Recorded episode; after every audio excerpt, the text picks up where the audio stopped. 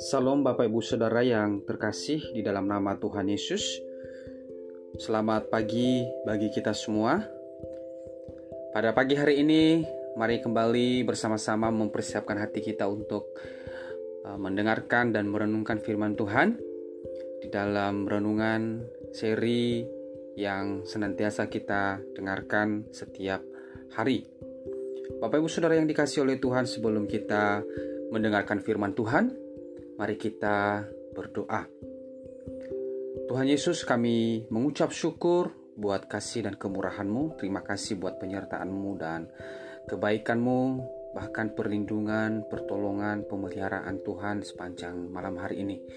Dan pada pagi hari ini Tuhan kami kembali merenungkan firman-Mu, kiranya Tuhan yang memberkati setiap pendengaran kami, hati kami, pikiran kami, sehingga firman yang kami dengarkan pada pagi hari ini boleh menjadi kekuatan, boleh menjadi rema bagi setiap kami, terlebih sepanjang hari ini di dalam melakukan segala aktivitas kami. Terima kasih Tuhan, kami menyerahkan waktu ini ke dalam tangan-Mu. Dalam nama Tuhan Yesus, kami berdoa dan bersyukur. Haleluya. Amin. Bapak Ibu Saudara yang dikasihi oleh Tuhan, pada pagi hari ini kita akan bersama-sama mendengarkan renungan firman Tuhan. Dan pada pagi hari ini kita sudah tiba di dalam kitab Nehemia. Dan kita pagi ini akan belajar bersama-sama di dalam uh, Nehemia pasal yang ke kelima. Dalam pasal yang kelima Bapak Ibu Saudara ini masih berbicara mengenai Nehemia. Bagaimana memperhatikan keluh kesah sesama orang Yahudi lalu kemudian sikap Nehemia yang tidak mencari keuntungan. Nah, Bapak Ibu Saudara, kalau kita melihat di dalam uh, Nehemia ini di dalam ayat uh, pasal-pasal sebelumnya menceritakan bagaimana pembangunan baik Allah atau tembok Yerusalem, maaf, pembangunan tembok Yerusalem yang juga mendapatkan ancaman bahkan di dalam uh, pasal yang keempat ada orang-orang yang tidak setuju bahkan orang-orang uh, yang menolak ya pembangunan tembok Yerusalem.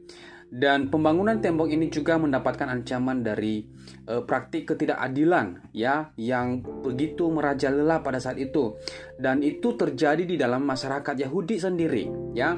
Mereka yang berkuasa dan kaya menindas saudara-saudara sebangsa yang mereka yang miskin ya. Mereka meminjamkan uang lalu kemudian dengan mengambil bunga yang tinggi Nah, kesusahan yang sedang terjadi pada saat itu memaksa orang-orang yang tidak punya ini mengambil uang yang berbunga itu kepada orang-orang yang kaya, ya, memaksa mereka, ya. Lalu mereka juga merampas tanah dan harta benda sebagai pembayaran hutang kaum miskin. Ya, bukan itu saja juga mereka tidak segan-segan bahkan menjadikan anak-anak orang miskin ini dari orang Yahudi ini atau masyarakat Yahudi ini sebagai budak untuk membayar hutang-hutang uh, yang uh, yang ada. Lalu kemudian mereka yang miskin akan semakin miskin, ya, sebab mereka masih harus membayar pajak yang tinggi kepada raja Persia. Jadi selain mereka diperas oleh orang-orang yang berkuasa pada saat itu, nah sementara masyarakat pada umumnya juga masih membayar pajak kepada raja.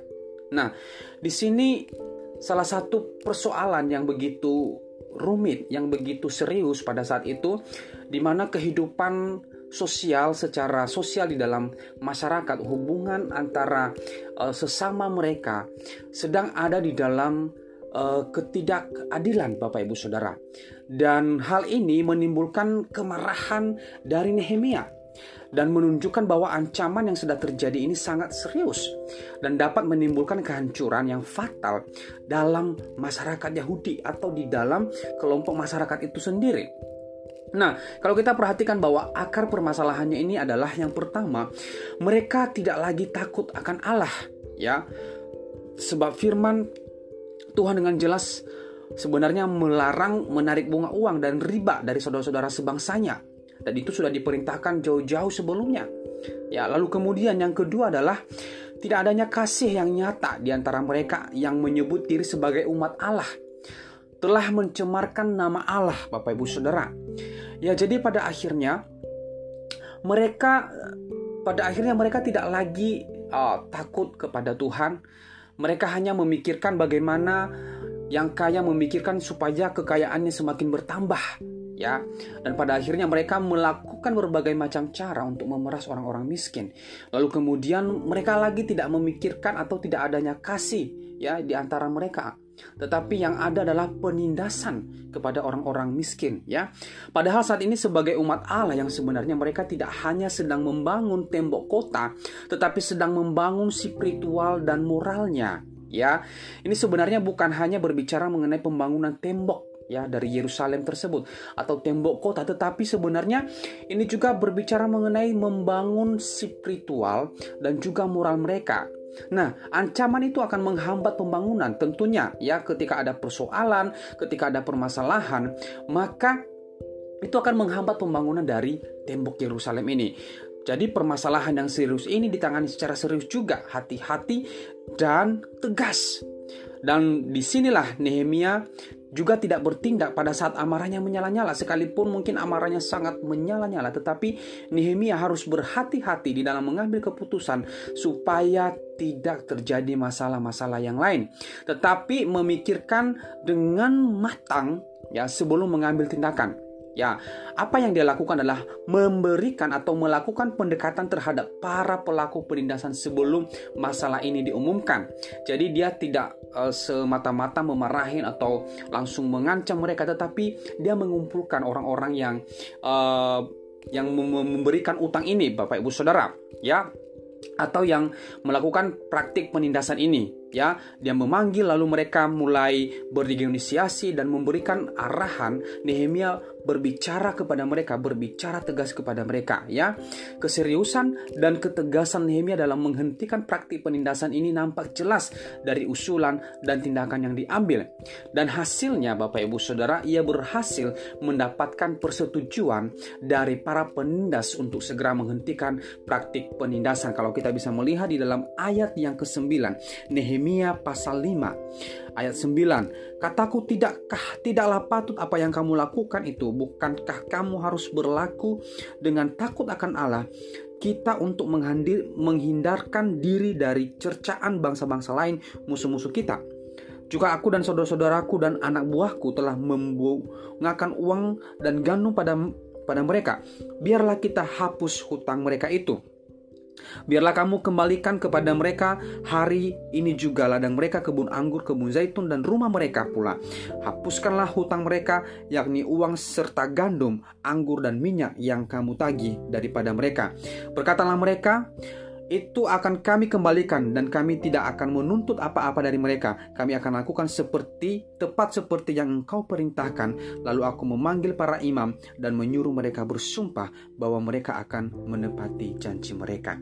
Nah, Bapak Ibu Saudara, ini adalah dialog dari antara Nehemia dan juga orang-orang yang berkuasa pada saat itu yang memberikan atau yang melakukan praktik penindasan kepada orang-orang miskin ini.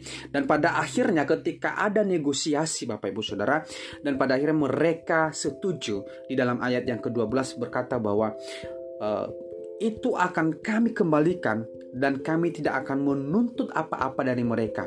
Bapak Ibu Saudara, dari apa yang diceritakan di pasal di ayat yang pertama tadi bahwa mereka memberikan uh, pinjaman dengan bunga yang sangat tinggi. Dan mereka merebut kebun-kebun orang-orang miskin, bahkan anak-anak mereka ya di, di akan diambil menjadi budak. Tetapi ketika ada negosiasi, Bapak Ibu Saudara, mereka ah, pada akhirnya luluh dan mereka berkata, "Kami akan kembalikan semua apa yang menjadi hak mereka yang telah kami rebut dari mereka." Dan ini adalah kata-kata penguasa ya pada saat itu dan negosiasi ini berhasil Bapak Ibu Saudara. Sebagai seorang pemimpin Nehemia harus bersikap dan bertindak bijaksana. Ia harus berani mengambil kebijakan yang berpihak kepada kepentingan rakyat kecil. Kalau tidak segera diatasi, kesenjangan sosial ini akan semakin melebar dan pembangunan tembok Yerusalem tidak akan berjalan dengan baik bahkan bisa-bisa jadi gagal Bapak Ibu Saudara. Dan apa yang kita bisa lihat dari tindakan Nehemia ini Bapak Ibu Saudara adalah adanya keberanian. dia memiliki hikmat yang luar biasa. Ya, ketika dia memanggil para orang-orang kaya ini Bapak Ibu Saudara, tentu pasti dia bergumul di dalam hati. Apa yang harus dia katakan kepada mereka? Tetapi karena Nehemia adalah orang yang percaya kepada Allah, ya, dengan tuntunan Roh Allah yang memberikan dia hikmat sehingga dia mampu berbicara dan bernegosiasi kepada mereka dan pada akhirnya mereka e, memutuskan untuk menghapus segala utang-utang itu bahkan mengembalikan segala apa yang telah mereka rebut. Bapak Ibu Saudara, sikap yang bijaksana yang diambil oleh Nehemia menyelamatkan rakyat dan kembali uh, melakukan atau melanjutkan pembangunan tembok Yerusalem Bapak Ibu Saudara. Oleh sebab itu, mari kita belajar dari sikap Nehemia ya. Lalu kemudian jika kita memiliki sikap seperti pada uh, yang terdapat pada penguasa-penguasa pada saat itu orang-orang Yahudi yang kaya. Ketika mereka ada di posisi atau di sebuah posisi tertentu, mereka memakai setiap jabatan atau mereka memakai kekayaan mereka untuk menindas orang miskin. Itu adalah merupakan tindakan yang tidak berkenan kepada Allah. Oleh sebab itu, mari kita sebagai jemaat-jemaat Tuhan, orang-orang yang bekerja, apakah kita seorang pemimpin atau sebagai anggota, anggota atau orang-orang yang mungkin uh, diberikan kepercayaan memegang sebuah jabatan, mari kita pergunakan itu dengan baik. Belajar dari Nehemia. Nehemia adalah orang yang sangat rendah hati ketika dia memiliki jabatan yang bagus.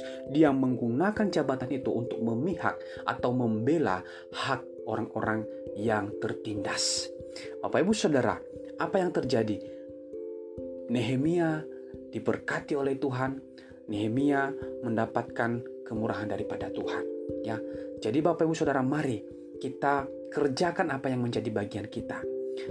Kepentingan apa pun, Bapak Ibu Saudara, atau kepercayaan apa pun yang sudah dipercayakan kepada kita, mari kita lakukan itu untuk membantu orang lain untuk membangun sesama kita dan mempermuliakan nama Tuhan.